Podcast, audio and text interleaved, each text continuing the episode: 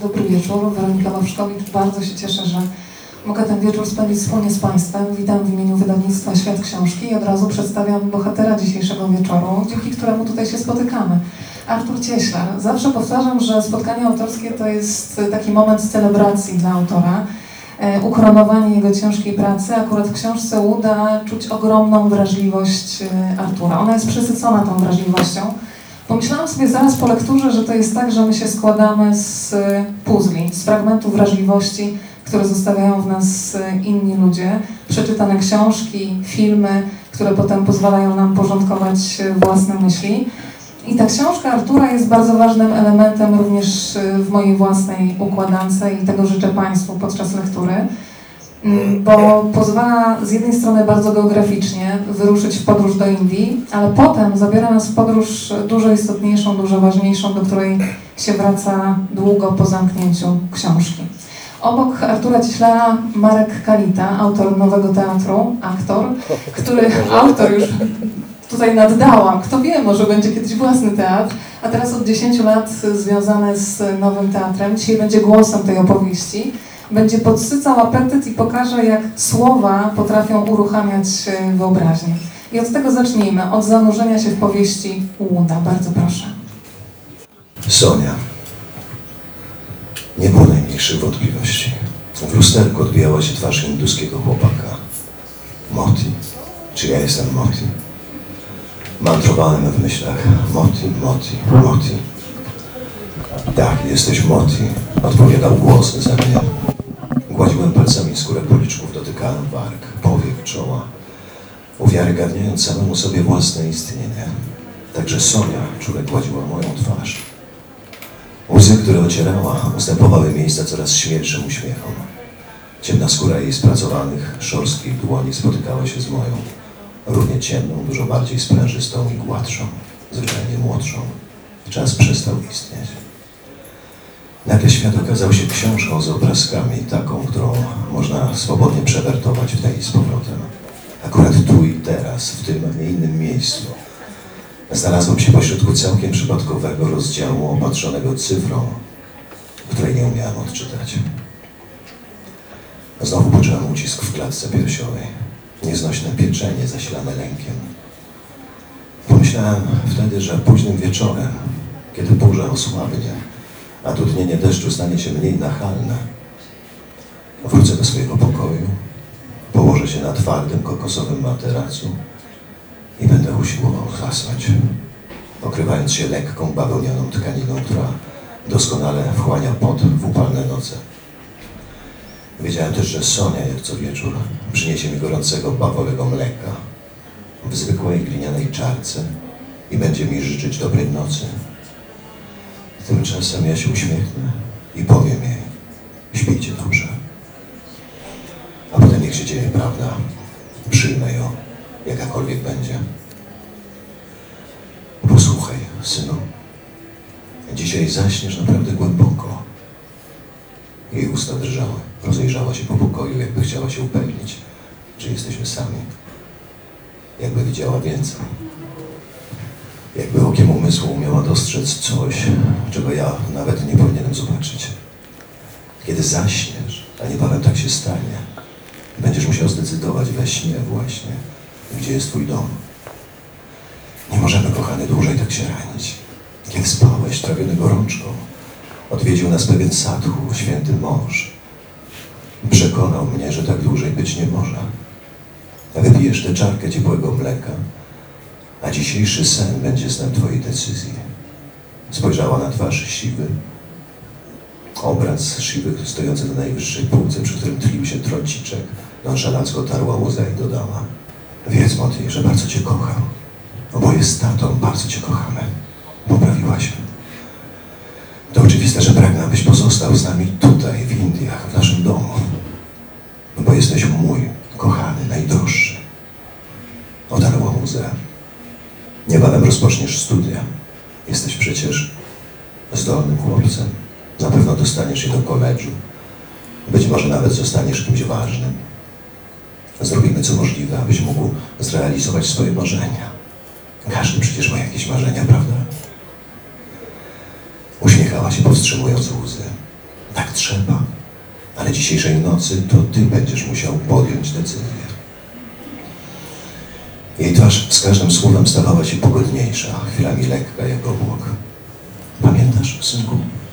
Jak często bawiłeś się w lekarza, jak przynosiłeś chore zwierzęta, potrącone przez riksze szczeniaki, jak opatrywaliśmy je troskliwie, zanim ojciec wrócił do domu. On się złościł, ale tylko z obawy, że przywleczesz jakąś chorobę. Uspokajałam go, tłumaczyłam, że najważniejsze, że masz dobre serce, że to dobrze, że troszczysz się o istotę o tak złej karmie, tak bezradne. Wyrosłeś na pięknego i mądrego chłopca. Już widziałam oczami wyobraźni, jak poznajesz piękną i dobrą dziewczynę, studiujesz w Delhi albo w Bangalurze, zostajesz lekarzem.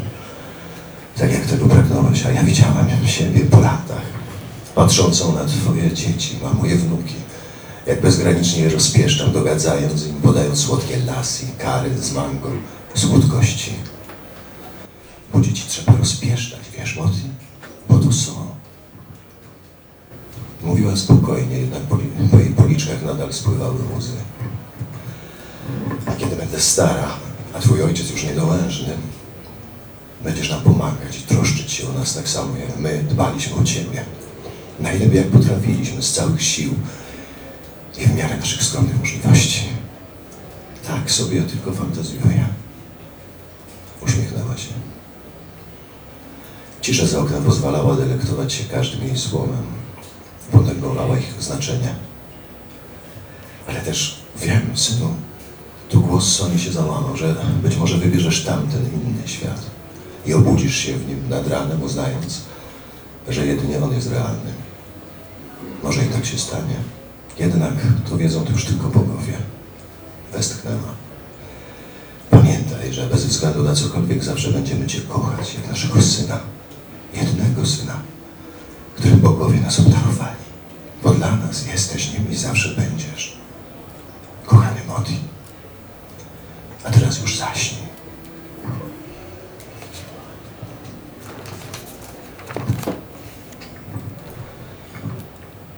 Są takie chwile w życiu człowieka i takie spojrzenia, których się nigdy nie zapomina, które zabiera się ze sobą na zawsze, niesie wszędzie, zasypie się i budzi z nimi, by w końcu zebrać je tam, zabrać je tam, te chwile, kiedy kochaliśmy, kiedy nas kochano, kiedy niewyobrażalnie mocno czuliśmy pokrewieństwo dusz. Umiłowanie podobnego zawsze będzie można przywołać, wyczarować w dowolnym momencie i w ich objęciach znaleźć ukojenie. Gdy nie będzie już przy nas mamy, taty, ukochanego, ani nikogo. Te chwile już na zawsze pozostaną dla nas obietnicą tajemnicy, u bramy której prędzej czy później wszyscy się stawimy. Czytając książkę Uda, wielokrotnie będziemy się przenosić w czasie i przestrzeni. Tutaj jesteśmy przez chwilę w pewnym śnie. A proszę pięknie napisałeś, że sny to są takie korytarze, którymi biegają nasze lęki i marzenia. I zastanawiam się też nad Twoimi snami podczas pisania tej książki. Czy było tak, że budziłeś się z jakimś zdaniem, opowieścią? Mm, Przede wszystkim witam wszystkich serdecznie, znajomych, nieznajomych. Bardzo mi miło, że jesteście tutaj dzisiaj ze mną.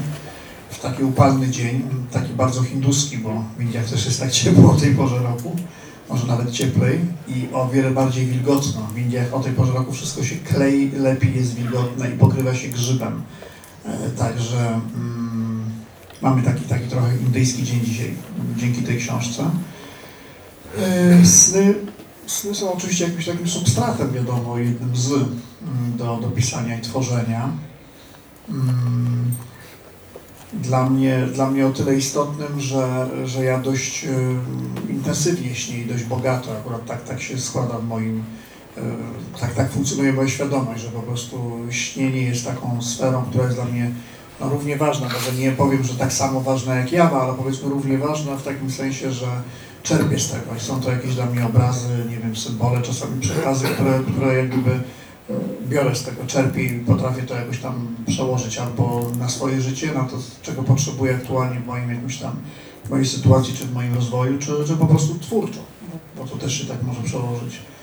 Także mm, nie wiem, czy, czy odpowiadam na Twoje pytanie w tej chwili, bo trochę na początku mi Cię rozbieg, ale mm, jest, mi, jest mi bardzo, bardzo mm, jest mi bardzo dziwnie słuchając Marku, nie ukrywam, jak ktoś czyta to i, i nagle wchodzę w ten świat, y, kto e, ktoś jak gdyby reprodukuje, tak, głosem grając, bo, bo to się y, zawsze trochę taki cud wydarza, prawda, kiedy ktoś coś lęgnie się w naszej głowie, potem to zostaje zapisywane, mm, na wiele sposób opracowywane, no bo przecież akt pisania powieści to nie jest jakaś spontaniczna jedna chwila, ale to jest długi proces i żmudny.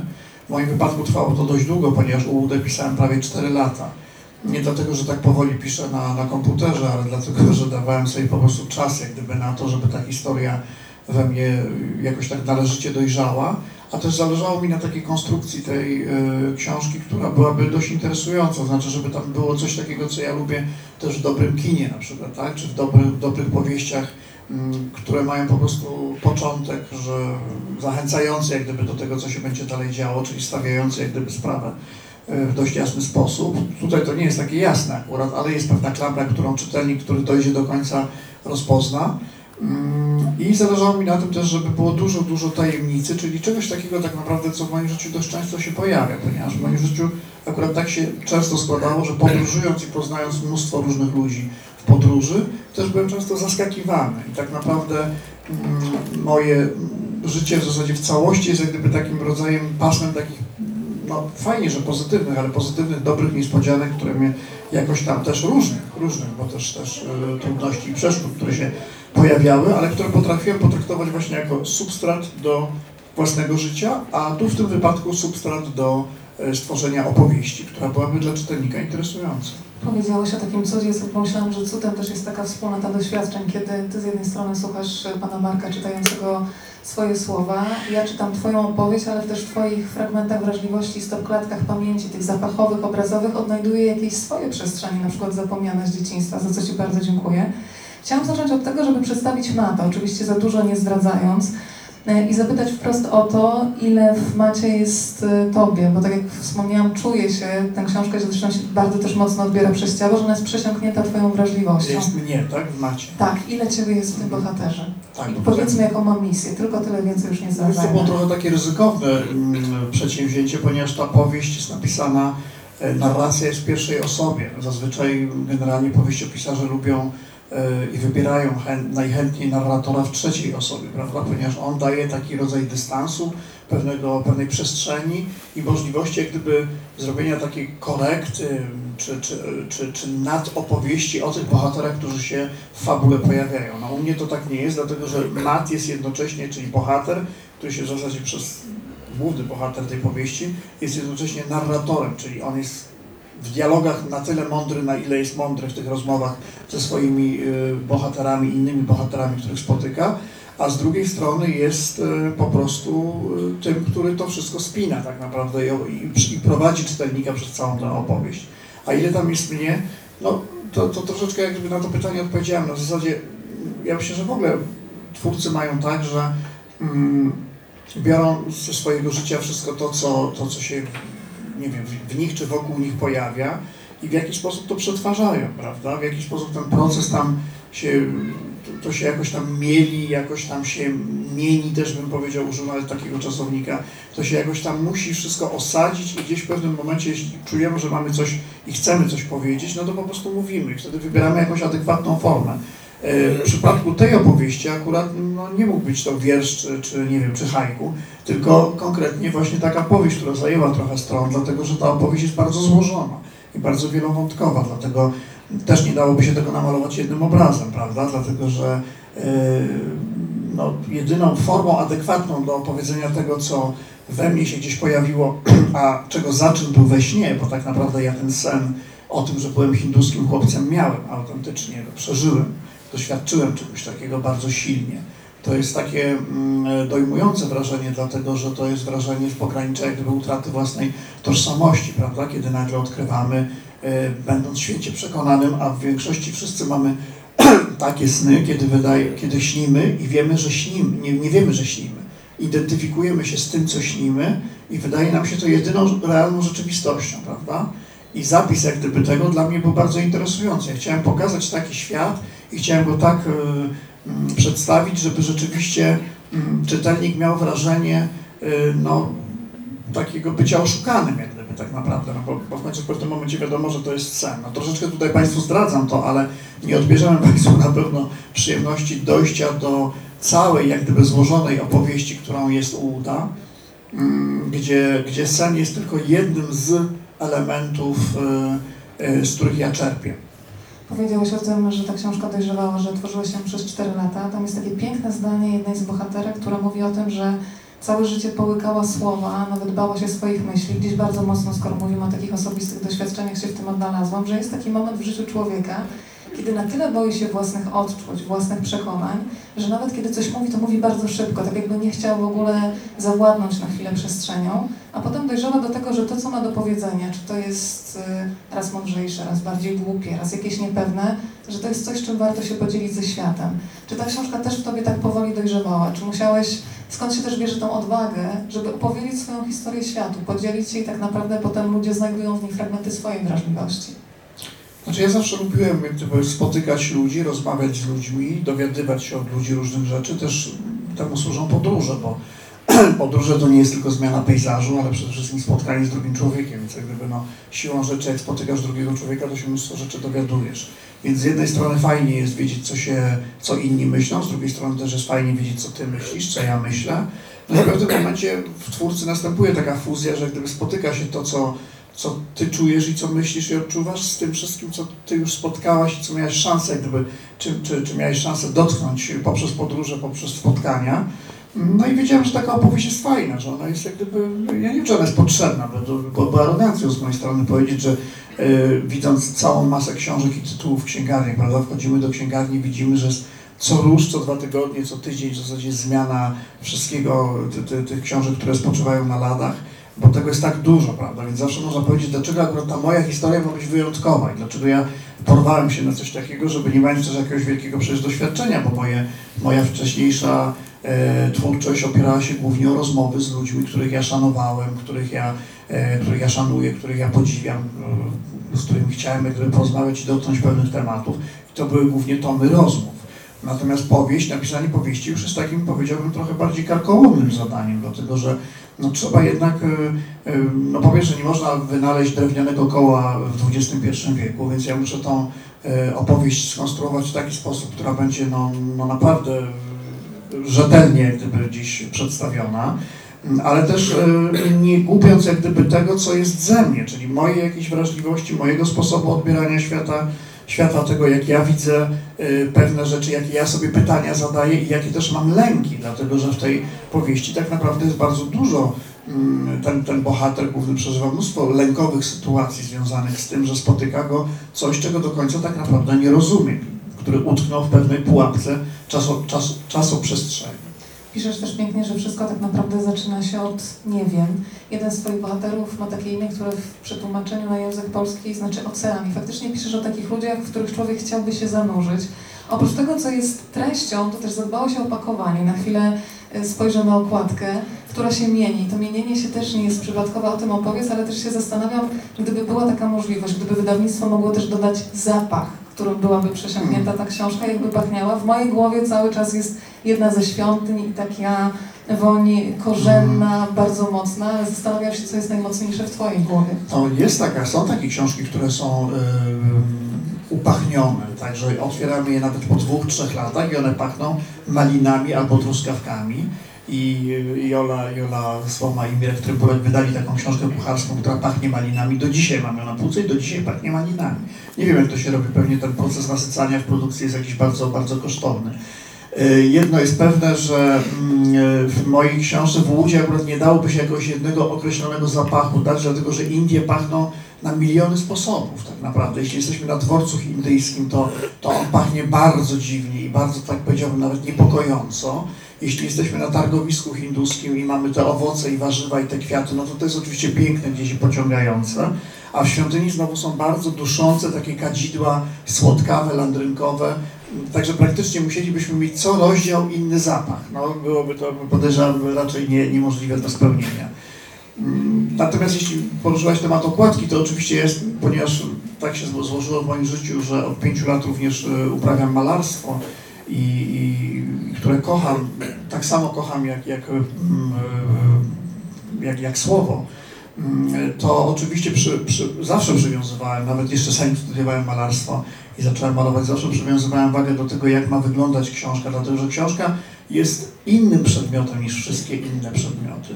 To nie jest, y, oczywiście, że jest waza, że jest piękna waza, piękna biżuteria i piękna architektura, piękno pejzażu i tak dalej, można by wymieniać nieskończoność, ale książka jest tym szczególnym przedmiotem, bardzo szczególnym i powinna mieć swoją, swoją adekwatną formę, która jest w pewien sposób pociągająca, przyciągająca czy magnetyzująca mm, i która budzi jednak jakieś takie skojarzenia piękne, no tak ja sobie to przynajmniej wyobrażam. Z wydawcą akurat, któremu tutaj jest taka okazja, żeby podziękować bardzo, dlatego że y, świat książki jest akurat znakomitym dla mnie tutaj partnerem do, do, do współpracy, mm, ponieważ y, no oczywiście to, to, to powoduje zespół, prawda, bo to przecież ludzie tworzą atmosferę i tego, że autor się może też czuć dopieszczony i w pełnym zaufaniu, jak gdyby może realizować swój projekt.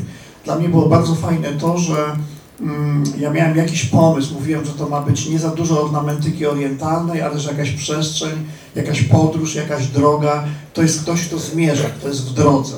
No i później, kiedy powstała ta okładka już tak, jak ją mniej więcej teraz widzimy, to jeszcze wpadłem na pomysł, że e, miałem taki obraz e, w sobie, który, który zawsze gdzieś mam, jak myślę o Indiach, kobiety hinduskie, które z dzbanami na głowie takimi miedzianymi e, chodzą, ponieważ bardzo często w domach hinduskich nie ma kanalizacji, nie ma wody, więc żeby, żeby po prostu żyć na co dzień trzeba tę wodę z hydranta donieść i nosi się ją w takich wielkich e, miedzianych albo cynkowych, e, ci, którzy są biedniejsi w takich ocynkowanych kaciach noszą do domu i ten kolor tej, tej folii takiej miedzianej był tym, tym czymś, co, co bardzo pragnąłem, żeby, żeby zaistniało. Bardzo zresztą śmieszna sytuacja, bo jak ja przyniosłem taką wielką księgę motyli, którą kiedyś przywiozłem z Francji, pokazałem stronicę w tym kolorze miedzianym, to oni po prostu oszaleli i byli przerażeni cali, ponieważ mówią, że nie damy rady finansowo tego udźwignąć, tego twojego pomysłu. A ja mówię, nie, że to chodzi tylko o literki, o, o, o sam tytuł po prostu, żeby on się mienił trochę na kształt tych, tych e, naczyń hinduskich. Arturze, ty jesteś nie tylko pisarzem, ale też fotografem, malarzem. I bardzo lubię w sztuce to, że to, co abstrakcyjne założenia, czy niematerialne, na przykład takie uczucie jak melancholia, tęsknota, wdzięczność, można albo namalować, albo złapać w kadrze, coś, co jest jakby naddane i zastanawiam się, co jest trudniejsze, namalowanie na przykład melancholii, tęsknoty, wdzięku, czy opisanie, uruchomienie tego poprzez słowa. Masz To te jest, doświadczenia to, sobie. nie ma tutaj żadnej złotej recepty. Ja myślę, że każdy twórca i właśnie to, że jest cała masa twórców na świecie i każdy na swój sposób potrafi przekazać różne emocje i czasami bardzo, bardzo takie jakieś niesamowite niuanse, to to jest to bogactwo i to piękno, że to jest zawsze opowiedziane w inny sposób. Przecież tysiąc razy widzieliśmy, że człowiek zabija człowieka, albo że człowiek kocha człowieka, albo że, że no nie wiem, no całą masę sytuacji tak zwanych międzyludzkich, a jednak zawsze idziemy, znaczy nie zawsze, ale często idziemy do teatru, do kina i przeżywamy to na inny sposób. Czasami zupełnie nowatorski, nowy, jakiś, jakiś niezwykły. Czasami wystarczy haiku, czasami wystarczy jedno maźnięcie pędzlem, czasami wystarczy obraz, a, a, a niektórzy po prostu muszą napisać książkę, która ma 800 stron i nagle po przeczytaniu tej książki, co jest jednak wyzwaniem, umówmy się, nie każdy ma czas, żeby przeczytać 800 stron, nagle okazuje się, że ten niuans drobny, którego wcześniej nie widzieliśmy u innych twórców, twórców ich twórczości, nagle wybija i nagle do nas przemawia, zupełnie nieoczekiwanie, nie wiedząc dlaczego. W tym też upatruję trochę takie, taką mm, osłodę jak gdyby dla tych twórców, którzy tak mówią, ale po co ja mam jeszcze coś robić, skoro już tyle osób coś robi. Ja mówię, zawsze, zawsze mówię tak, nie, ty możesz to powiedzieć w inny sposób, zupełnie nowy, w taki, który akurat kogoś dotknie w sposób szczególny w danym momencie na daną chwilę. Dlatego nie należy mieć takiego wahania w uprawianiu twórczości. Nie należy sobie zadawać takiego pytania, że, że ja nie muszę, że ja nie chcę, bo już ktoś to zrobił. Zawsze to można pokazać jakoś inaczej. W Twojej książce jest sporo takich zdań, które zatrzymują, na przykład dialog Mata z Igą o podróżowaniu, który mówi o tym, że podróżujemy, bo boimy się życia, ale podróżujemy też, bo boimy się śmierci. Gdzie jest Ci bliżej, do którego z tych stwierdzeń? No myślę, że, że jedno i drugie jest tak naprawdę gdzieś ważnym, ważną taką siłą i motorem. Są, są prawda, Eros i Thanatos, no to, to są te, te, dwie wielkie siły, które w nas drzemią i które, które nas tak naprawdę napędzają, tak? Jedna jest ta bardzo taka prokreacyjna, powiązana z twórczością, druga jest taka bardzo, bardziej związana ze śmiercią. A śmierć jest czym? No też jest jakimś procesem, bardzo niezwykłym procesem, ponieważ myśląc o śmierci, myślimy o mm, przede wszystkim o tym, że tak naprawdę zostaniemy absolutnie sami, sami z tym, co, kim jesteśmy i jakim jesteśmy, jaką jakość stworzyliśmy, bez tego całego anturażu i bez tych całych e, przedmiotów i otoczenia, które, e, które przez całe życie gdzieś w tej naszej jak gdyby mandali e, umieszczamy, prawda, i meblujemy w jakiś sposób mniej lub bardziej udolny. Mnie, jak gdyby, dla mnie podróż jest w ogóle zawsze takim procesem niezwykle fascynującym, że po pierwsze, ja mówię oczywiście o podróży, a nie o turystyce, tak? Nie mówię o wyjeździe takim, który mi gwarantuje pobyt nad basenem, opalenie się i najedzenie, tylko mówię o, takim, e, o takiej wyprawie, gdzie e, autentycznie konfrontuję się z niewiadomą. Tak naprawdę jadę w określone miejsce, niby nawet do kogoś, nawet powiedzmy do określonego klasztoru w Nepalu, do którego wielokrotnie jeździłem, ale tak czy inaczej w czasie takiej podróży trwającej miesiąc, dwa czy trzy, nagle wydarza się cała milion cały milion różnych sytuacji, których nie przewidziałem i w których muszę się sprawdzić jako człowiek. Tak naprawdę, no, nawet jak nie mam tego świadomości, to i tak prędzej czy później dochodzę do tego momentu, kiedy zaczynam e, rozumieć, co mi to daje i po co ta podróż tak naprawdę się wydarzyła. Państwo będą się zaczytywać w łudzie, teraz czas, żebyśmy się zasłuchali. Przypomnę dla tych, którzy do nas dopiero dołączyli, jest razem z nami pan Marek Kalita, aktor Nowego Teatru. Kolejny fragment Łudy już teraz od zasłuchania do zakochania. Jeden krok, więc zaczynajmy. Dała gestem znak, że zaschło jej w gardle. Szybko przyniosłem jej soku rozcieńczonego wodą. Duszkiem wypiła pół szklanki. Stach to mistrz nic nie wiedzenia. Ignorant. Wzorcowy gotyk i sybaryta. Stach to mister ja. Całe życie myślał tylko o swojej pracy, o tym, jak dobrze zjeść. Tylko przy gościach, rzadko ich miewaliśmy, perorował o historii Polski i polityce. O Piłsudskim pierdolił, o polskiej racji stanu, o wartościach utraconych. Że też nie został prezydentem. Za kołnierz nie wylewał, ale alkoholikiem nie był. Chyba nie. Piłam z nim trochę. Nawet lubiłam się z nim napić, bo jak z nim tego drinka nie wypiłam, to był nerwowy, a jak wypił, to mu się na metafizykę zbierało. Czulszy był, Bacha słuchał. Bacha, kurwa mać! Pan feudalny miejskiego szpitala, ordynator pierdzielony. Boże, jak on kochał rozkazywać. On całe życie wszystkim rozkazywał. Tylko mi jedno już teraz nie rozkazuje, bo moje ciało mówi mu, a taki chuj. Iga. Roześmialiśmy się. Nie będę grzeczną dziewczynką, już nie, nigdy więcej. Grzeczne dziewczynki nie idą do niema, one mają przejebane. Drwiła ze Stacha okrutnie i przekinała jak szewc, co mnie trochę dziwiło, bo przedtem nie miało tego w zwyczaju. Innych nazywał hołotą. Ile ja z nim walczyłam, żeby nabrał pokory, żeby w człowieku człowieka dojrzał. Mat. Stach to człowiek sukcesu i dupek w jednym. Postrach oddziału i zwykła życiowa sawanduła. Wody nawet nie umiał zagotować ten mój Stach, ani miski klozetowej po sobie doszorować. Śmiała się. Ale jakoś go tam kochałam. Hitlera też ktoś jakoś tam kochał, prawda? No tak czy nie? Jak ona się nazywała? Jezu, no. Ewa Braun. O. Widzisz, dziury mam w pamięci przez tę chemię. A i kochanki miał skurwie. Hitler? Nie, Stach. Rozliczny. Jedną nawet na poważnie stawała tu pod balkonem, żeby, że niby do kogoś innego, że na kogoś innego czeka. Wychodziłam na balkon i krzyczałam. Wynocha, nie ma go i nie będzie. Przeganiała mnie jak gołębie. Kto chce mieć balkon ostrany, co? Roześmiała się z werwą zbuntowanej nastolatki, po czym spoważniała. I spojrzała na mnie tak, że od razu wiedziałem, że o cokolwiek poprosi, nie odmówię. Co jest? Mat, mimo wszystko martwię się o niego. Wbrew pozorom to nie był, nie jest zły człowiek. Obiecaj, że czasami zadzwonisz i zapytasz, jak sobie radzi. Że zadbasz. Milczałem, odwróciłem głowę. Tylko nie to. Tylko nie to. Tego akurat jej wtedy nie mogłem obiecać. Zwłaszcza tego. Bardzo lubię, że powstała Ida w Twojej głowie i że tym samym po lekturze już gdzieś wewnętrznie też ją mam w sobie mocno umocowaną. I to jest taki fragment tej opowieści, który bardzo dużo mówi na przykład o przestrzeni przyjaźni. Mówi też bardzo dużo o odwadze i o takiej łatwej pokusie, kiedy ktoś choruje, żeby go zagłaskać albo uśpić jakimiś pocieszającymi słowami, które tak naprawdę nie mają pokrycia. I też mi się wydaje, Arturze, że miałeś to bardzo mocno gdzieś przepracowane i doświadczone. Zastanawiam się, czy są ludzie, którzy gdzieś w tych dialogach, w rozmowach, w takich nocnych rozmowach, gdzie oczywiście się łączy kilka historii, też się odnajdą.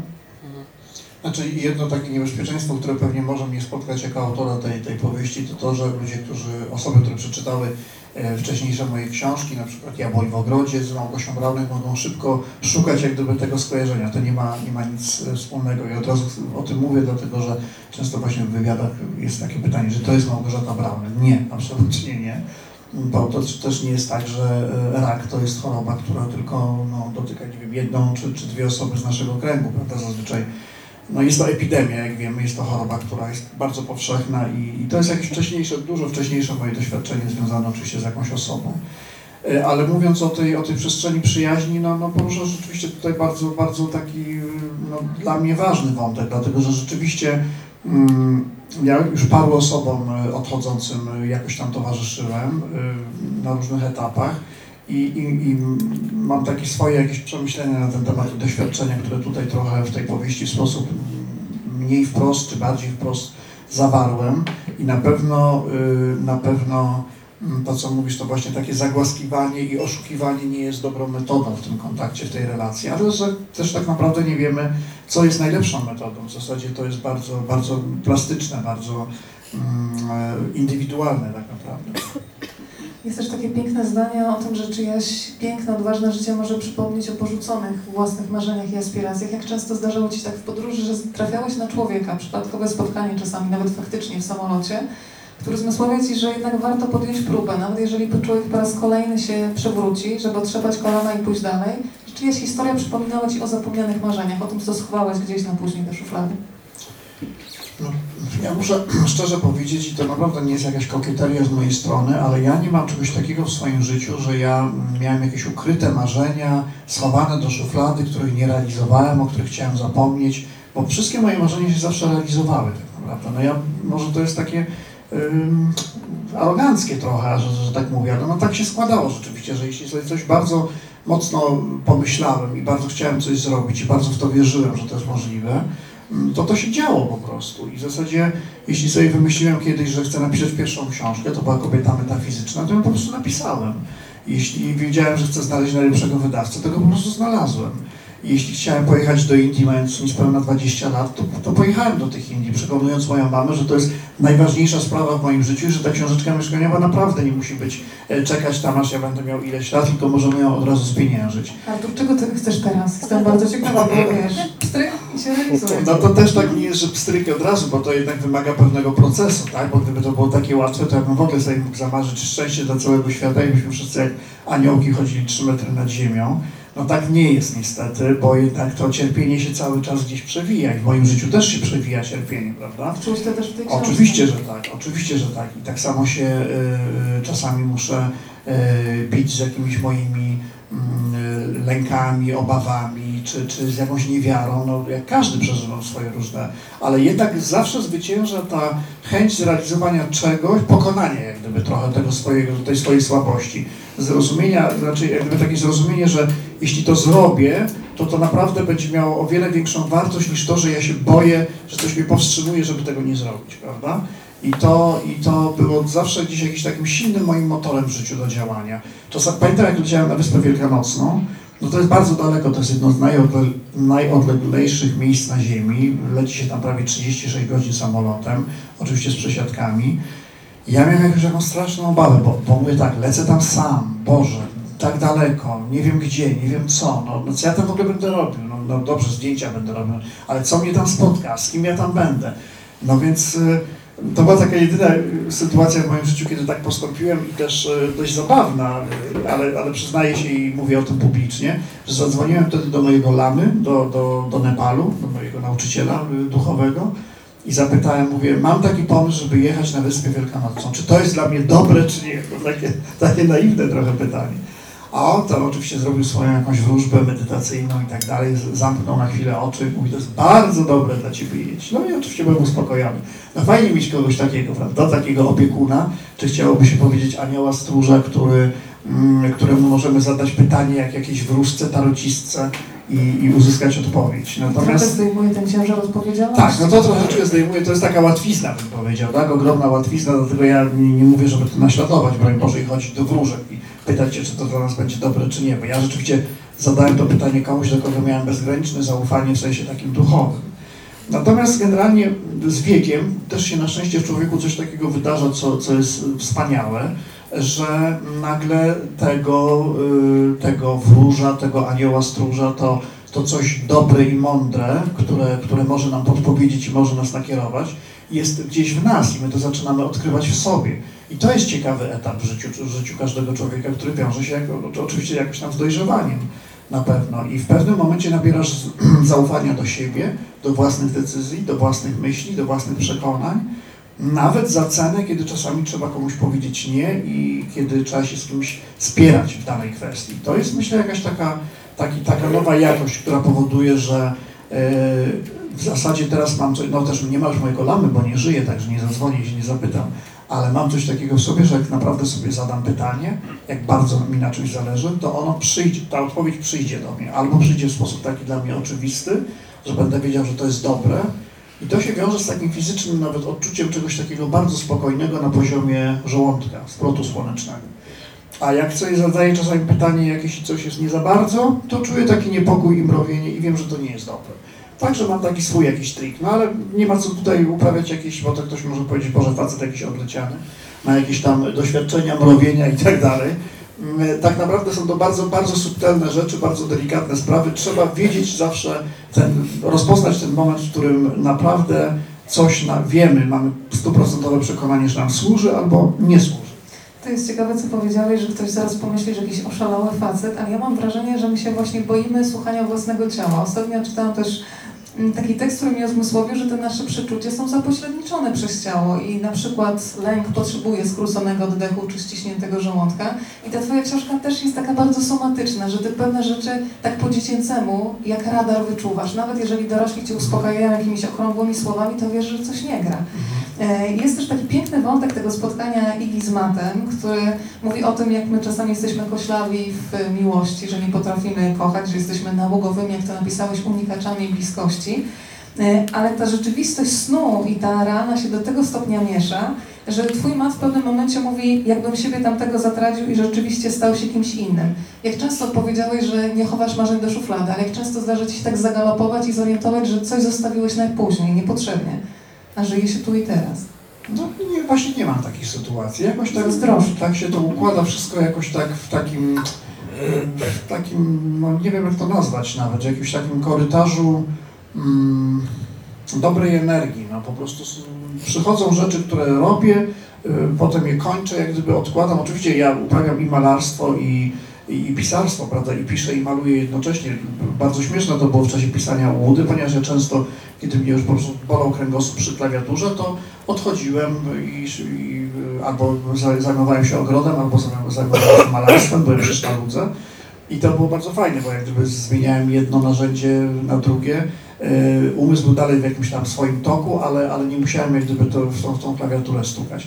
Tylko tak trochę uciekam od Twojego pytania, ono jest ważne. Znaczy ja się bardzo cieszę, że wyczułaś to, że yy, powiedziałeś coś takiego, że w tej książce jest taki somatyzm, yy, że tam jest dużo opisanych odczuć ciała, wobec sytuacji, które są czasami bardzo trudne, czy nawet przerażające. Tam są Ale takie... się, że my jesteśmy mistrzami w zakłamywaniu, Tak, że bardzo tak. często ciało daje pierwszy sygnał, ale robisz wszystko, żeby ten niepokój odegnać, więc zamykasz oczy. Dokładnie tak, dlatego Matt tutaj jest taką osobą, która rzeczywiście gdyby ma taką śmiałość, y, y, można to nazwać dziecięcą taką odwagą, ale też można nazwać taką, taką bezczelną śmiałością mówienia o tym, jak się czuje, bo on jest jednocześnie narratorem, czyli on się nie wstydzi przed nikim i ma po prostu odwagę powiedzieć o tym, jak się czuje w danej sytuacji. My często y, nie, nie, nie, nie mówimy innym ludziom, kiedy się bardzo źle czujemy w danej sytuacji, kiedy nas spotyka coś bardzo bolesnego, nawet na poziomie ciała, ponieważ się zwyczajnie wstydzimy, prawda? Uważamy, że to są rzeczy dość intymne i mało kto to zrozumie. Jeśli w ogóle już się postanawiamy z tym podzielić, to y, zazwyczaj albo idziemy do lekarza, albo do terapeuty. Podróż też w Twojej lekturze przypomniała mi o tym, że to jest tak naprawdę powrót do dziecka. Przypomniałam sobie konkretne wrażenie, kiedy nie tak dawno, bo rok temu po raz pierwszy wylądowałam w Indiach i zobaczyłam dorosłą kobietę, która się zachowuje jak dziecko, autentycznie, z takim zachwytem waran, żółw, inni ludzie, coś czego nie znam, bo Europa jakby wiesz czego się spodziewać. Zastanawiam się, w którym momencie Ty, jako dorosły mężczyzna podróży, stwierdziłeś, znowu budzi się to dziecko z taką zachłannością e, przyswajania wrażeń. Coś, co tutaj konwencjonalnie gdzieś jest nam zabrane. To znowu u mnie inaczej to jest, bo ja nigdy tego dziecka nie, nie straciłem tak naprawdę. Nigdy, nigdy nie, nie uśpiłem i ono nigdy nie zasnęło. Zawsze go mam. Zawsze mam z nim dobry kontakt i tak naprawdę to, to dziecko powoduje, że ja w wieku 47 lat nagle po- postanowiłem malować i zdawać na Akademię Sztuk Pięknych i dostać się na malarstwo do, do pracowni profesora Baja, dlatego że y, poczułem się, nie że, że, że ja jestem tym już y, starzejącym się mężczyzną, prawda, dojrzałym, który już jak gdyby e, wiadomo, że z górki, tylko że ja mam teraz nowe wyzwanie, nową ochotę i ten chłopiec, który we mnie jest, który chce coś realizować, będzie to realizował, koniec kropka. Pojawiło się chrypa, ciało daje znak, żeby odpocząć, przekazać mikrofon do pana Marka i kolejną odsłonę Łuny. Po chwili zawołał kolega. Poczułem mrowienie na policzkach, szyi i torsie. Szczerze mówiąc, pomyślałem przez chwilę, że narobię w gacie, że zemdleję, zniknę i będę miał tu z głowy. Suchość w ustach, ucisk w okolicach splotu słonecznego. Wzorem starej tybetanki przywołałem mentalnie wszelkie świętości, w tym jej tarę. Pomóżcie wszelkie dobre siły, bo robi się gorąco. Naprawdę gorąco. Po chwili zjawił się drugi cholerny maoista. Balczysty, wąsaty. Śmierdział jak połeć zepsutej świńskiej karkówki. Kim jesteś? Gdy tylko się odezwał, wiedziałem, że łatwo nie odpuści. Pielgrzymem z Polski. Odpowiedziałem jak z automatu, szukając wzrokiem moich tybetańczyków. Hinduista? Zgłupiałem. Dlaczego to zapytał? Jakiej odpowiedzi miałem mu udzielić? Co mogłoby go zezłościć, a co zadowolić? Buddysta, hinduista? Co to ma za znaczenie? Jadę do Bodh Gai, tam gdzie Buddha. A co to? Hinduizm ci się nie podoba? A zresztą stał to pies. Religia to jedno wielkie gówno. Milczałem, by po chwili rzucić.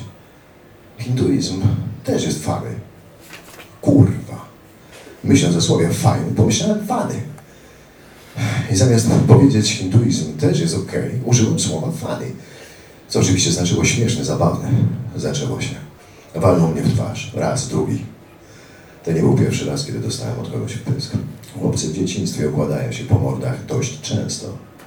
Okres dorastania to kraina przemocy. W twarz dostałem też w podstawówce od nauczycielki, która nie potrafiła okiełznać mojego gadulstwa. Dobrze znałem smak upokorzenia, jaki pojawia się po otrzymaniu w pysk z liścia gołą dłonią. Parszywy smak tego chlaśnięcia i parszywe chwile tuż po, kiedy czujesz się jak kawałek gówna. No, kurwa, śmiej się, jeśli to takie śmieszne. Znów mnie walnął. No śmiej się, no już, śmiej się. Spuściłem głowę i milczałem. No śmiej się, sukinsynu. Śmiej się z nas, hinduizmu. Obiecuję, że już nigdy nie powiem fany. Że nie będę się śmiał. Gówno mnie to obchodzi. Masz się śmiać.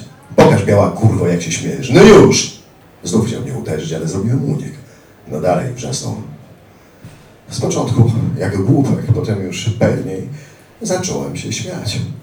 Udawałem, układałem usta, twarz, grymans do tego rechotu, jakby te śmiechy podsycane, posyłane w przestrzeń, były pociskami.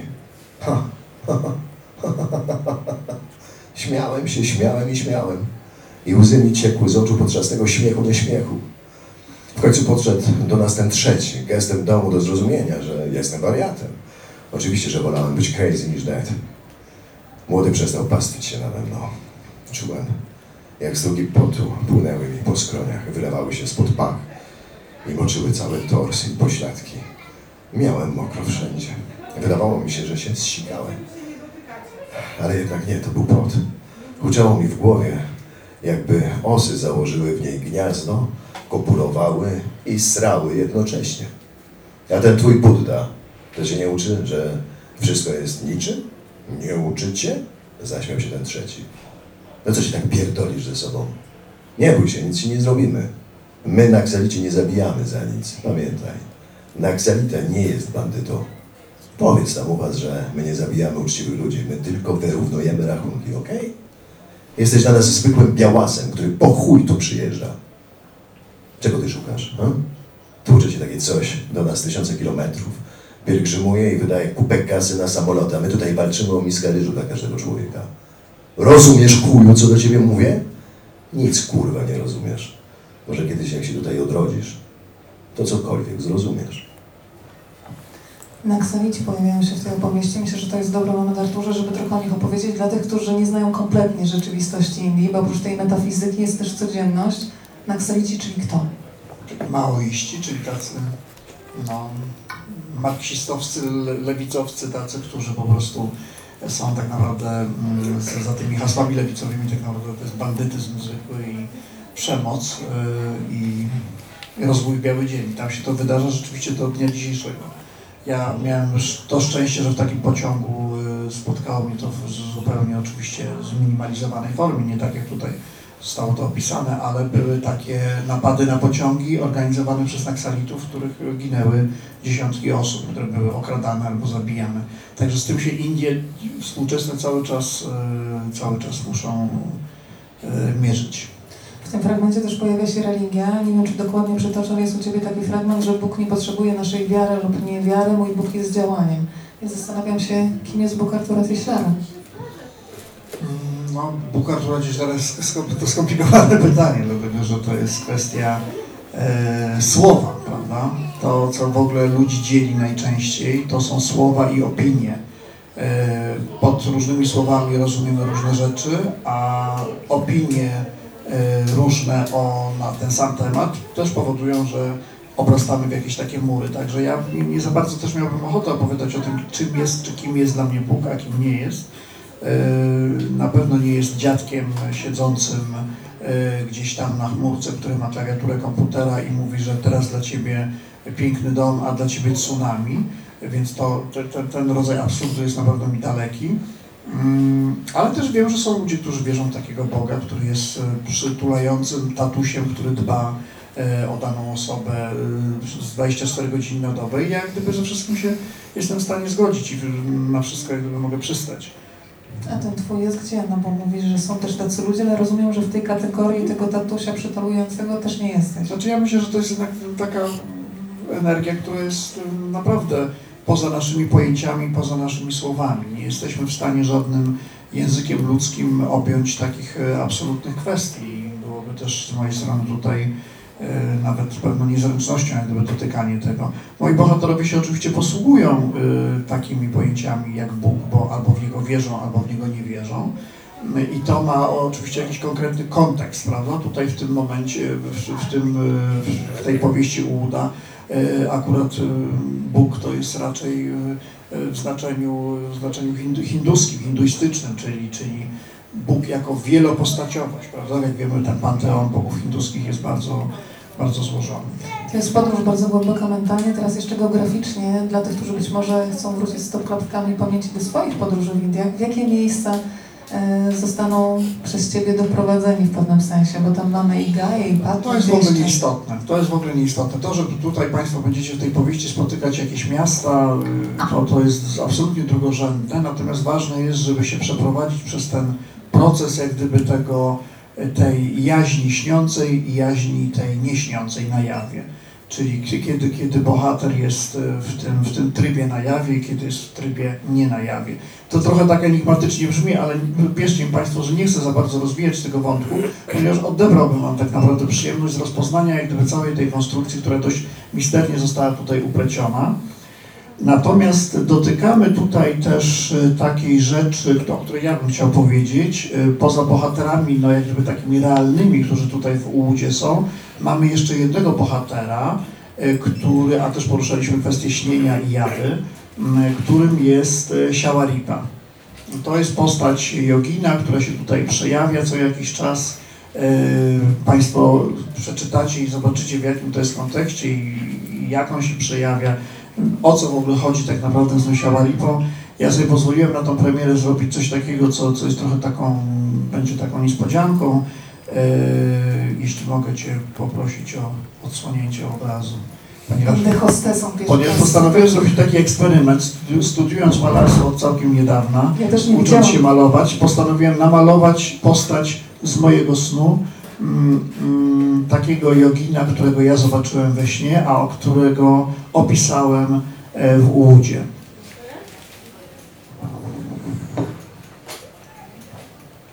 Nie wiem, czy ja nie zasłaniam. Może też. A powiedz, jak często on do ciebie wracał w takim razie? Człowiek, który się w powieści pojawia się faktycznie, wraca jak takie stopklatki. No to jest taka ciekawa postać, ponieważ Czy się jest... pojawia jednostkowo, czy to jest na przykład tak, że śnisz przez tydzień i on wraca? To jest Jak mnie niesamowite. pytałaś o Boga, to ja tak niechętnie, ale jak już mnie zapytasz o taki konkret w sensie takiego metafizycznego czy mistycznego odczucia, to mogę powiedzieć, że na pewno to doświadczenie z Siałaripą jest moim jakimś osobistym doświadczeniem z, z jednej z pierwszych podróży do, do Indii, ale też później, kiedy jeszcze tam byłem w tych grotach e, Mahakali w e, Dungeshwari, mm, no, nazwy, nazwy egzotyczne, w każdym razie jest to jakaś niesamowita, niezwykła postać mistyczna, o której Hindusi mówią, że nie umarła i do dzisiaj żyje i ten jogin według nich, są o, czymś, o, o czym są świecie przekonani, ma około tysiąca lat i żyje sobie cały czas i ci, którzy mają w sobie już wystarczającą dojrzałość duchową i są gotowi na przyjęcie jego nauk, czy zobaczenie jego oblicza, mogą go spotkać w medytacji albo we śnie. Jestem przekonana, że każdy zobaczy znowu coś innego. Swoją drogą chciałabym zajść do Twojej głowy i pospacerować po tych Twoich snach, skoro są tak Mhm. intensywne. Bo tutaj też widzę nawet fragment, słuchaj, ikony, czegoś, czego bym się nie spodziewała. Z jednej strony Indię czuć, to są kolory, to wszystko, ale też forma, gdzieś mi się ta ikona No otwiera. ta i znowu ikona, się łączą to światy. jest ten nimb tutaj, Tak. tak, który jest wprowadzony. No generalnie jest tak, że jak ktoś e, ma tą aurę taką bardzo już e, konkretną i naprawdę przemedytował trochę w życiu i, i ma tego swojego potencjału duchowego cały ogrom, to rzeczywiście są ludzie, którzy taką aurę widzą i, i po prostu dostrzegają człowieka w, takiej, w takim rodzaju poświaty. My często też to widzimy, tylko czas, czasami uważamy, że to są jakieś optyczne złudzenia, tak? Że na przykład światło pada w jakimś tam miejscu, ale jeśli byśmy naprawdę się w tym kierunku troszeczkę rozwijali, to jesteśmy w zasadzie każdy z nas sobie taką umiejętność y, rozpoznać, y, wytrenować. Słuchaj, teraz pomyślałam, że ludzie, którzy do nas przychodzą w snach na przykład, mogą budzić ciekawość, ale u niektórych budzą lęk. Tam też jest takie zdanie, że lęk karmi wyobraźnię. Co robisz wtedy z wyobraźnią? Czy ty ją zatrzymujesz, czy dajesz się ponieść i poddajesz się temu lękowi, co jest chyba najtrudniejsze, odpuścić, przeżyć. No, to, jest, to jest różnie oczywiście, czasami, czasami się borykam z tym lękiem i on jest jak gdyby takim, takim lwem e, źle wytresowanym i, i napada na tresera, prawda? I ja wtedy nie panuję nad, nad jego zachowaniami. A czasami jest tak, że rzeczywiście mm, y, to, to jest, y, no, powiedzmy, jakiś taki rodzaj pewnego odprysku, kiedy się praktykuje medytację, możemy też doświadczyć tak zwanego świadomego śnienia, czyli takiej sytuacji, która mm, zdarza się bardzo rzadko, ale się zdarza, że rozpoznajemy stan śnienia i wtedy rzeczywiście możemy, mamy pełną dowolność manipulowania własną historią, którą śnimy. I to jest fantastyczne, dlatego że możemy wtedy przekraczać granice fizyki, możemy się unosić w powietrzu, albo też możemy y, na przykład zmieniać miejsce, pojawiać się w innym miejscu w ciągu dosłownie oka mgnieniu. Tak? Czyli jak gdyby no, to jest wszystko, wszystko kwestia takiego pewnego paradygmatu mm, dotyczącego tego, czym jest umysł, jak spojrzymy na umysł. Czy to są tylko te fale elektromagnetyczne, które są związane z funkcjonowaniem mózgu e, i jesteśmy tak naprawdę tylko i wyłącznie kupą odczuwającego mięsa, które po śmierci po prostu zamiera, niknie, gaśnie jak, jak już zepsuta, e, przepalona e, lampka.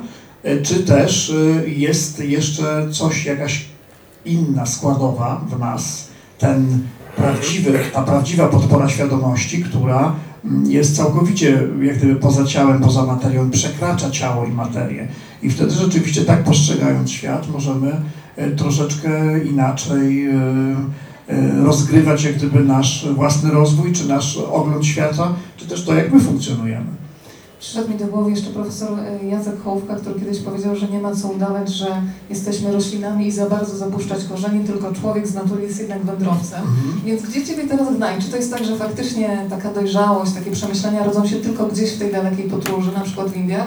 Czy u Ciebie w ogrodzie w Milanówku też się zdarzają takie momenty no niestety znowu, znowu boimy, boimy się takich słów jak olśnień, ale olśnienia się zdarzają. No wypowiem to są cały czas, jak się spotykamy z ludźmi i tylko się na nich otworzymy i, i rozmawiamy z nimi w sposób otwarty, nie boimy się, nie kombinujemy, nie, nie boimy się drugiego człowieka, tak? nie boimy się spotkania z drugim człowiekiem, to wtedy to się będzie pojawiało, wtedy będą się takie olśnienia pojawiały, bo te olśnienia to nie jest coś bardzo mistycznego i niezwykłego, tylko to jest tak naprawdę wypadkowa naszej otwartości na drugiego człowieka.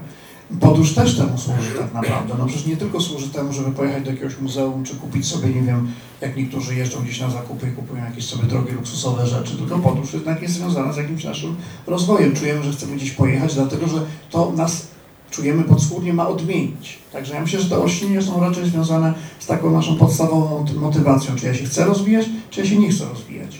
Pomyślałam, że w tej książce też jest sporo takiego obnażenia, którego się boimy, ale chyba właśnie tylko obnażenie i powiedzenie wprost o tym, jacy jesteśmy, pozwala na ten moment otwarcia z drugim człowiekiem. Inaczej chyba nie jest możliwe, bo zawsze jest jakaś maska Tak, kreacji. no myślę, że tak, że w ogóle ja myślę, że twórcy mają w ogóle coś takiego i może nawet powinni mieć, żeby nie uprawiać też jakiejś takiej nadmiernej tajemnicy na swój temat, no bo w końcu to ja, ja sam osobiście nie robię ze swojego życia jakiejś wielkiej tajemnicy i generalnie o tym, z kim żyję, jak żyję, gdzie mieszkam, każdy, każdy mniej więcej wie, no to, to, to też jak gdyby ułatwiają dzisiaj media społecznościowe, prawda, no wszyscy jesteśmy od powiedzmy chyba 10 lat Facebook istnieje, jeśli dobrze liczę. E, Jesteśmy powiązani ze sobą w taki sposób, który jest e, m, z jednej strony niebezpieczny, z drugiej strony bardzo interesujący, dlatego że ludzie, którzy nigdy by nie mieli do nas dostępu, ani do których my nigdy byśmy nie mieli dostępu, nagle, nagle stają się naszymi, naszymi tak zwanymi znajomymi. Tak? Czasami rzeczywiście te znajomości przeradzają się w coś bardzo interesującego i przejawiają się w realu i to jest fantastyczne, a czasami są rozczarowujące, można wtedy bezpiecznie, w bezpieczny sposób taką osobę od siebie oddalić. Ale do czego ja zmierzałem? No jak to jest z tym obnażeniem? Z tym obnażaniem.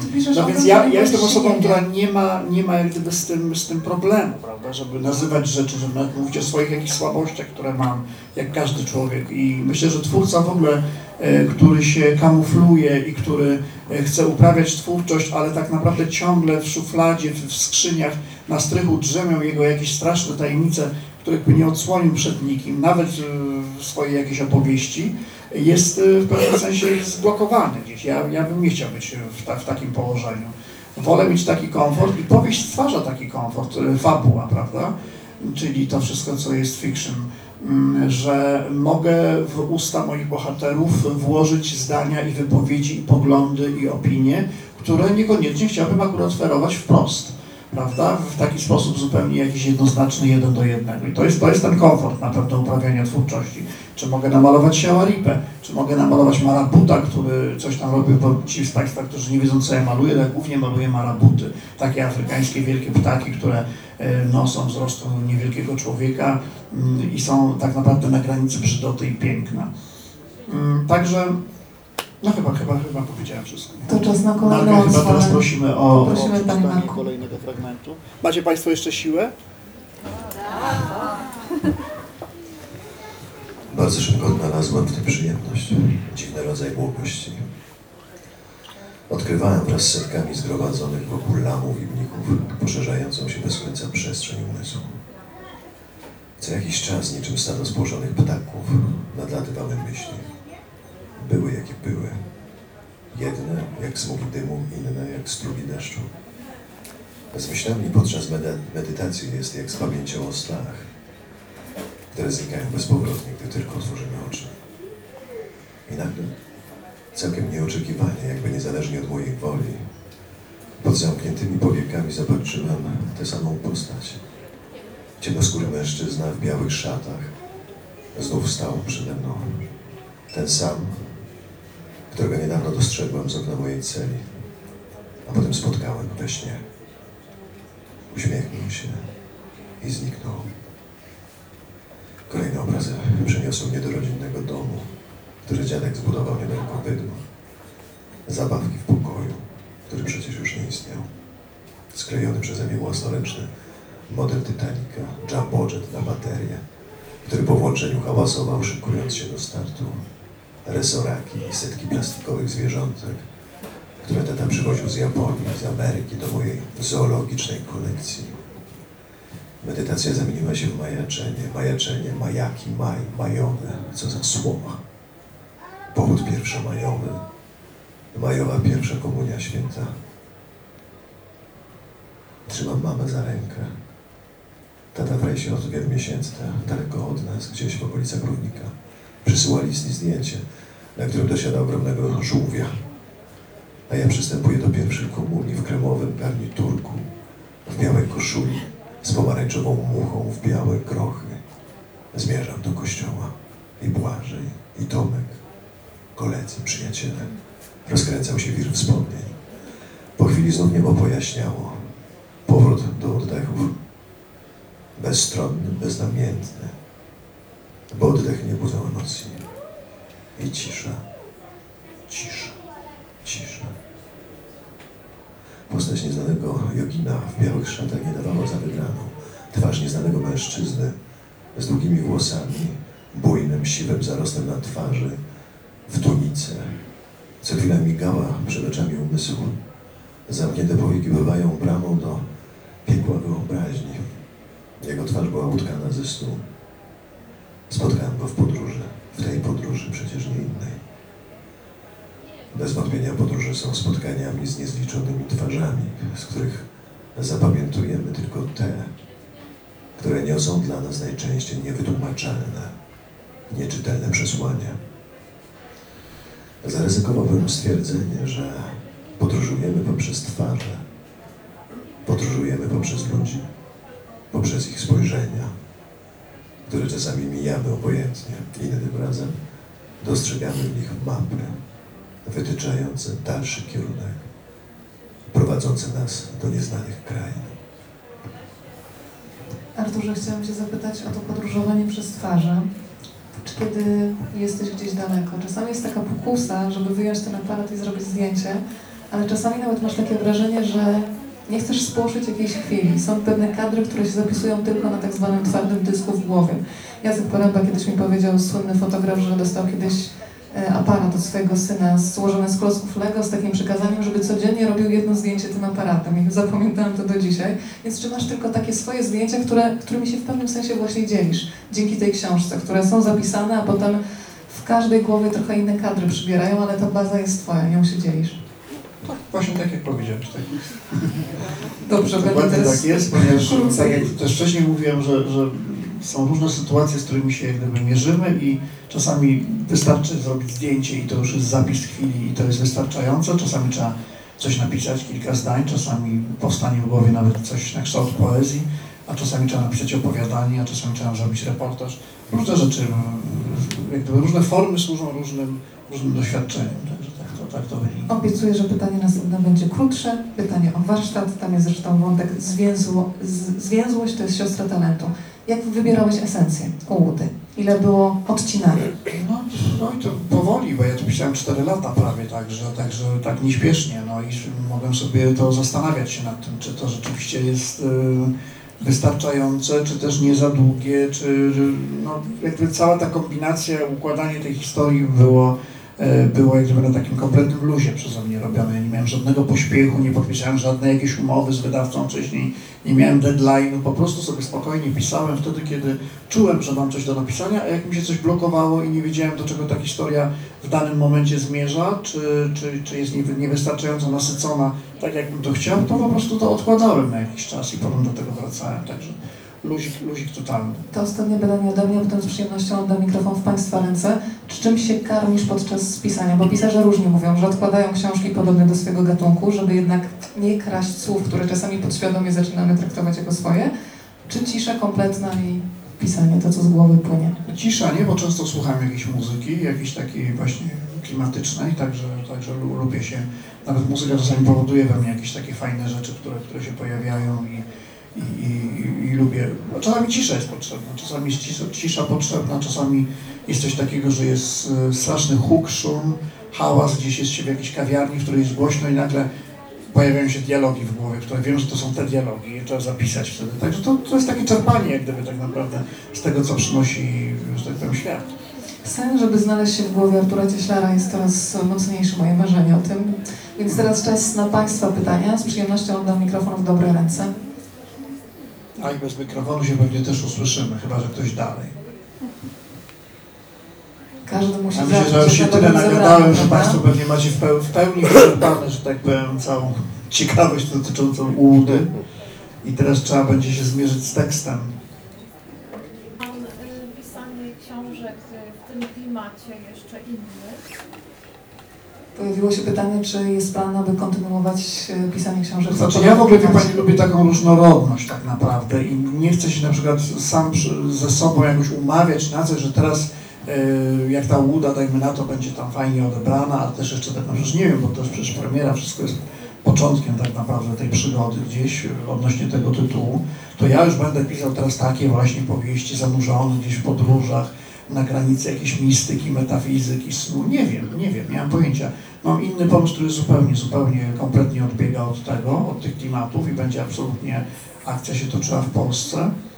Mm, ale pewnie, że mat, ta książka jest taka specyficzna, dlatego że ja ją tak zamknąłem, że ona w zasadzie się otwiera na końcu.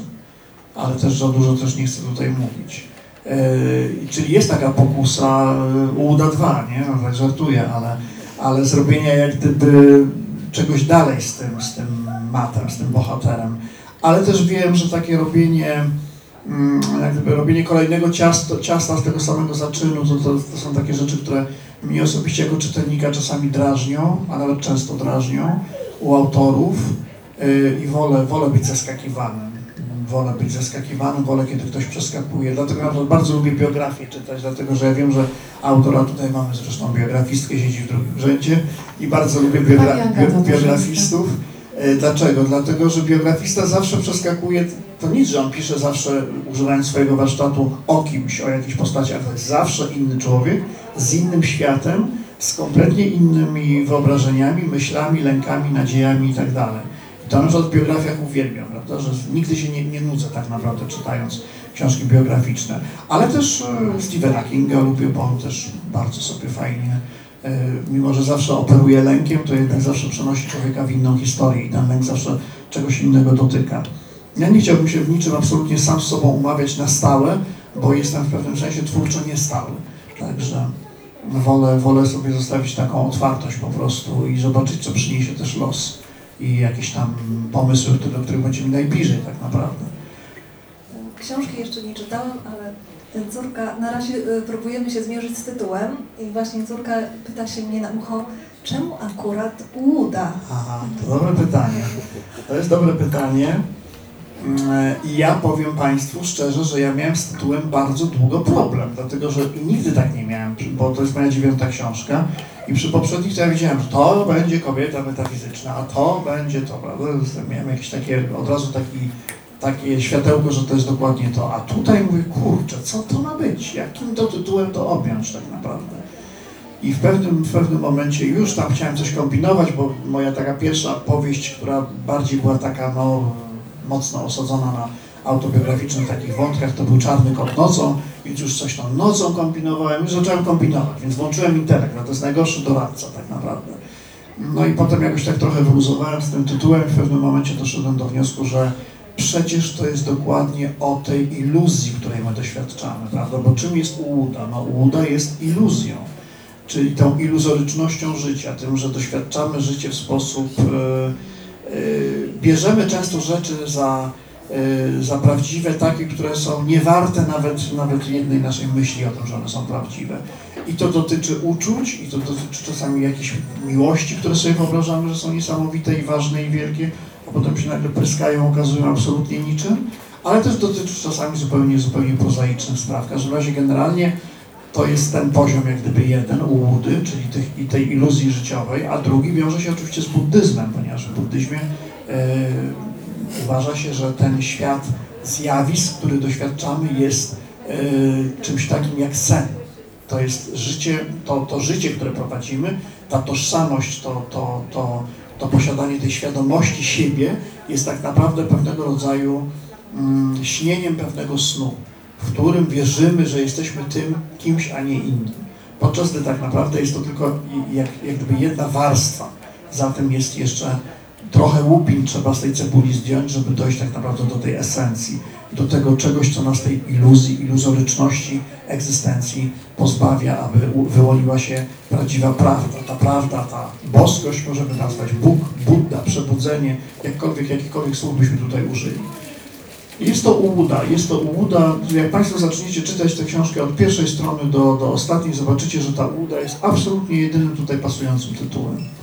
Oficjalną część tego spotkania zamknę fragmentem, który wypowiada jeden z bohaterów. Upadek ludzi zacznie się wtedy, kiedy zabraknie nam dobrego słowa dla innych. Dobrego słowa na pewno Państwu nie zabraknie przy lekturze Łudy. Pięknie dziękuję. Artur Cieślar, Marek Kalita, czy jeszcze fragment na, na do widzenia? Marku, może jeszcze jedno Poprosimy. Macie Państwo ochotę na jeszcze jeden fragment? Prosimy. To zakończymy fragmentem, to będzie taki piękny koniec. Zresztą Marka się tak słucha. że- Dręczą mnie sny. Jakaś obsesja z tymi snami, daj spokój. W zasadzie jeden sen, no, w którym nie jestem tym, kim jestem. I to jest o tyle pociągające, o ile przerażające. Miewałem takie sny jako dziecko. Miewałem sny, w których byłem innym dzieckiem, żyjącym gdzieś tam. A kiedy budziła mnie mama, twoja polska mama, kurwa mać, a jaka inna? No to budziła cię i co? Płakałem nie rozpoznawałem jej twarzy. I ona też płakała, bo przerażała ją, przerażało ją, że urywał się kontakt ze mną i uderzała mnie po policzkach, krzycząc Mateuszku, Mateuszku, obudź się, kochanie, to ja, twoja mamusia. Przecież ja jestem twoją mamusią. I tak samo krzyczała ta matka we śnie. Ta hinduska matka? Tak. Miałaś kiedyś taki sen, że jesteś kimś innym? A twoja mama to nie twoja mama? Nigdy. A ja miewałem, ale kiedyś, jako dziecko. No i w tym samolocie. Jezu, w jakim samolocie? Bo już, już się gubię. W tym, którym przyleciałem do Indii. A, no tak. I pamiętam twarz mo- mojej mamy, która mnie budziła ze snu. Tej polskiej mamy czy hinduskiej? Polskiej. Wydawała mi się taka obca. Ona przerażona płakała i uderzała mnie rozpaczliwie po policzkach. Krzyczała, przebudź się, kochanie, to ja, twoja mama. Nie poznajesz mnie? No już mówiłeś. A jej nie poznawałem. Rysy jej twarzy wydawały mi się takie obce, jak kobiety ze zdjęcia w kolorowym magazynie leżącym na stole. Mama miała tego dosyć. Naprawdę bała się o mnie. Liczne wizyty u psychologa nic nie dały. Sny stawały się coraz bardziej męczące. Wciąż i wciąż się powtarzały po parę razy w miesiącu. W tych snach żyłem jako ktoś inny. Byłem innym dzieckiem, w odmiennym kolorze skóry, skóry inaczej ubranym. Z innymi dziećmi się bawiłem, do innej szkoły chodziłem na zajęcia. Litery obcego alfabetu widniały na tablicy. Jeden z takich snów zapamiętałem w najdrobniejszych szczegółach. Ty to teraz myślisz? Czy to naprawdę było? Przestań. Więc ten sen jest ciepło. Słońce grzeje niemiłosiernie, jakiś festyn. Tłum ludzi, a ja tulę się do mamy. Kobiety o hebanowej twarzy, odzianej w sari, kolorowe, pysznie tkane złotymi nićmi, które lśniły w słońcu. Bawię się bransoletkami, których dziesiątki poprzękują na przekupach dłoni. Jej naszyjnik jest równie zajmujący. Nagle ona wskazuje palcem. Patrz, tata. A na, a na słoniu pod świętym orszaku siedział pod baldachimem mój ojciec, Maharadża jakiś. A przed nim dwóch służących prowadziło na łańcuchu dwa młode tygrysy bengalskie, oswojone były, piękne jak milion tęcz. I słyszałem muzykę, tamburyny i cymbały, muzyka radości i życia. I znów wtulam się w fałdy maminego sari i czuję jej ciepłą pierś. Była pełna mleka, mleka dla mnie. Ładna opowieść, ty bajki pisz. Chodźmy już, bo ziewamy jak smok. To się powtarzało. Stawało się moim drugim światem. Bywało, że zamykałem oczy i natychmiast przemieszczałem się tam. Nawet w przedszkolu. Hałas dzieciarni, a ja zatykam sobie palcami uszy, zamykam oczy i tkwię w moim świecie. Jestem tam, jestem tam, przenoszę się tam, tam. Przecież to wszystko wydarzyło się, wydarzało się w mózgu. w duszy